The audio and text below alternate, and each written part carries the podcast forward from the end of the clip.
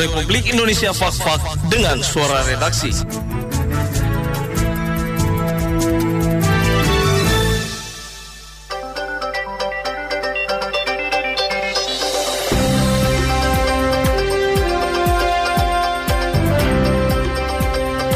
Saya Budi Rasidi akan mengetengahkan peristiwa aktual dalam sepekan silam Minggu 25 Oktober 2020 di antaranya peringatan Hari Santri Nasional tahun 2020 peresmian PTSP Kantor Kementerian Agama Kabupaten Fakfak. Persiapan pelaksanaan MTQ di Distrik Tomage. Pengembangan objek wisata sumber air panas alami di Distrik Bam Dandara. Dan pelaksanaan survei online dampak COVID-19 terhadap pelaku usaha.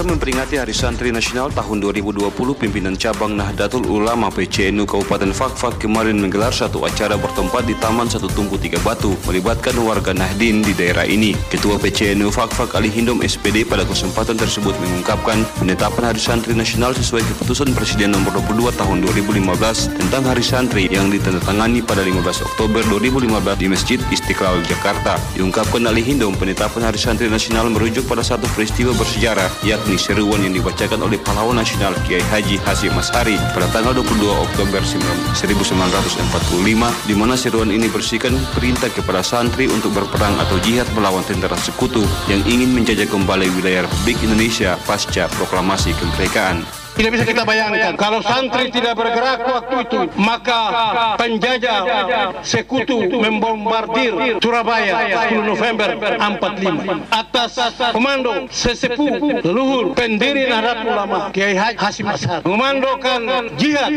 untuk mempertahankan negara Republik Indonesia yang sudah merdeka 17 Agustus 45 oleh Insinyur Soekarno dan Dr. Andos Muhammad Hatta. Momentum Hari Santri harus kita per, per, peringat. Kita harus membangkitkan semangat santri.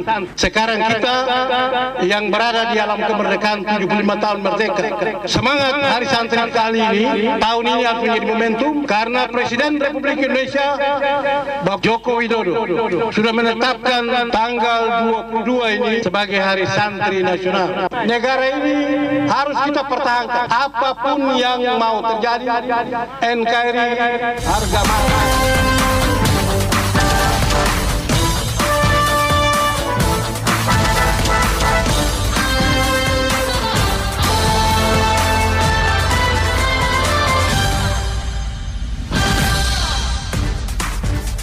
Kantor Kementerian Agama Kabupaten Fakfak terus berupaya memberikan pelayanan terbaik kepada masyarakat dalam hal pelayanan umum.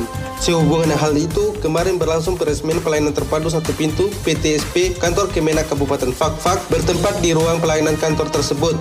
Acara peresmian PTPSP ditandai dengan pengguntingan pita oleh Kepala Kantor Kementerian Agama Kabupaten Fakfak. Kepala Kantor Kementerian Agama Abdul Hamid Rahan Yamtel mengatakan, sesuai keputusan Menteri Agama nomor 90 tahun 2018, pelayanan terpadu satu pintu menjadi salah satu program prioritas Kementerian Agama sehingga kantor Kementerian Agama di seluruh wilayah Indonesia termasuk di Kabupaten Fakfak menjadi salah satu kantor Kemenak yang mendapat jatah untuk membangun PTSP atau pelayanan terpadu satu pintu pada tahun 2020 ini. Sesuai keputusan Menteri Agama nomor 90 2018, pelayanan terpadu satu pintu ini menjadi salah satu program prioritas Kementerian Agama. Sehingga kami yang ada di kabupaten kota, khususnya Kementerian Agama Provinsi Papua Barat, Kemenag Kabupaten Fakfak ini menjadi satu kemenag yang mendapat jatah untuk membangun PTSP, pelayanan terpadu di Kabupaten Kementerian Agama Kabupaten Fakfak pada 2020 ini. Karena ini menjadi program prioritas, program salah satu program utama Kementerian Agama, di mana memang pelayanan pelayanan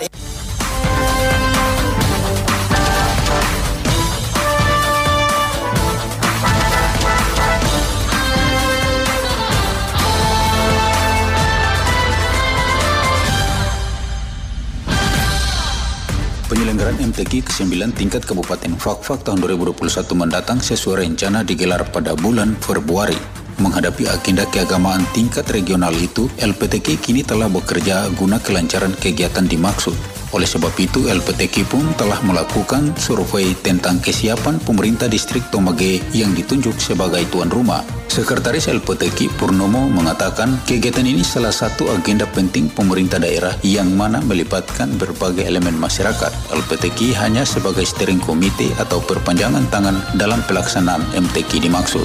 Karena terselenggaranya MTQ perlu didukung dengan kesiapan yang matang termasuk dana penunjang. Dikatakan masing-masing distrik harus terlibat dalam menyiapkan peserta. Dengan demikian, tiap distrik harus melakukan training center karena lomba MTQ berbeda dengan lomba-lomba lainnya. Nah, sesuai dengan ketentuan yang kami harus laksanakan selaku steering komite dalam pelaksanaan MTQ, eh, ketentuan pokok sudah kami kirim dan kita sudah mengumpulkan kepada kepala-kepala distrik di ruang Bapak Asisten 3, ada Fafa, dan beliau kita sudah sampaikan karena setiap MTQ itu kendala kita itu masalah finansial untuk mobilisasi kafilah dan lain sebagainya dari distriknya ke kabupaten. Jadi itulah langkah-langkah yang sudah kami ambil sebagai tahap awal dan kita akan membahas ketentuan pokok. Nah, nanti ketentuan pokok itu merupakan kitab suci untuk pelaksanaan MTQ di distrik Tomaji nanti.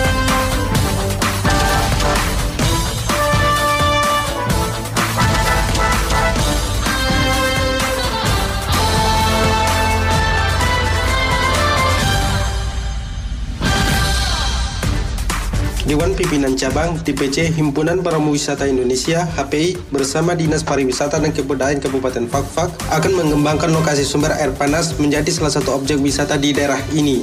Sumber air panas tersebut terletak di Kampung Wos, Distrik Baham dan Dara. Ketua DPC HPI Kabupaten Fakfak Priyogo Kusumo mengatakan kemunculan sumber air panas alami di Kabupaten Fakfak berdasarkan hasil kunjungan tim DPC HPI Kabupaten Fakfak bersama masyarakat setempat yang melihat secara langsung potensi sumber daya pariwisata khususnya pemandian air panas di mana kemunculannya tersebut bermula saat beberapa warga yang mempostingnya melalui media sosial. Dikatakan sumber air panas yang terletak di Kampung Wos merupakan sumber air panas alami yang dikelilingi oleh vegetasi-vegetasi hutan yang lebat dan asri. Berdasarkan hasil kunjungan kami juga dari DPCP Fakfak dengan uh, masyarakat di sana itu melihat secara langsung potensi sumber daya pariwisata khususnya untuk pemandian air panas. Awalnya kita memang sempat melihat secara viral itu di beberapa akun sosial media yang di dipublish oleh beberapa orang jadi kita menjadi satu motivasi untuk ke sana juga melakukan kunjungan secara langsung guna melihat apa saja yang ada di sana.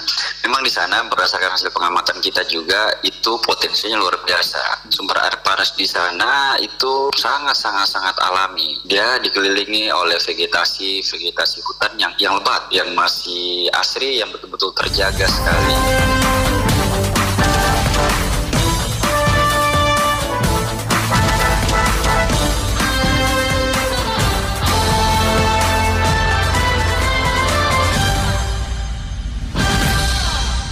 Badan Pusat Statistik BPS Kabupaten Fakfak dari tanggal 8 hingga 23 Oktober 2020 melaksanakan survei online dampak COVID-19 terhadap pelaku usaha tahun 2020. Kegiatan survei online tersebut dilakukan untuk menghasilkan data statistik terkini yang akan menjadi informasi bagi pemerintah pusat dalam membuat kebijakan terkait penanganan dampak COVID-19 bagi dunia usaha.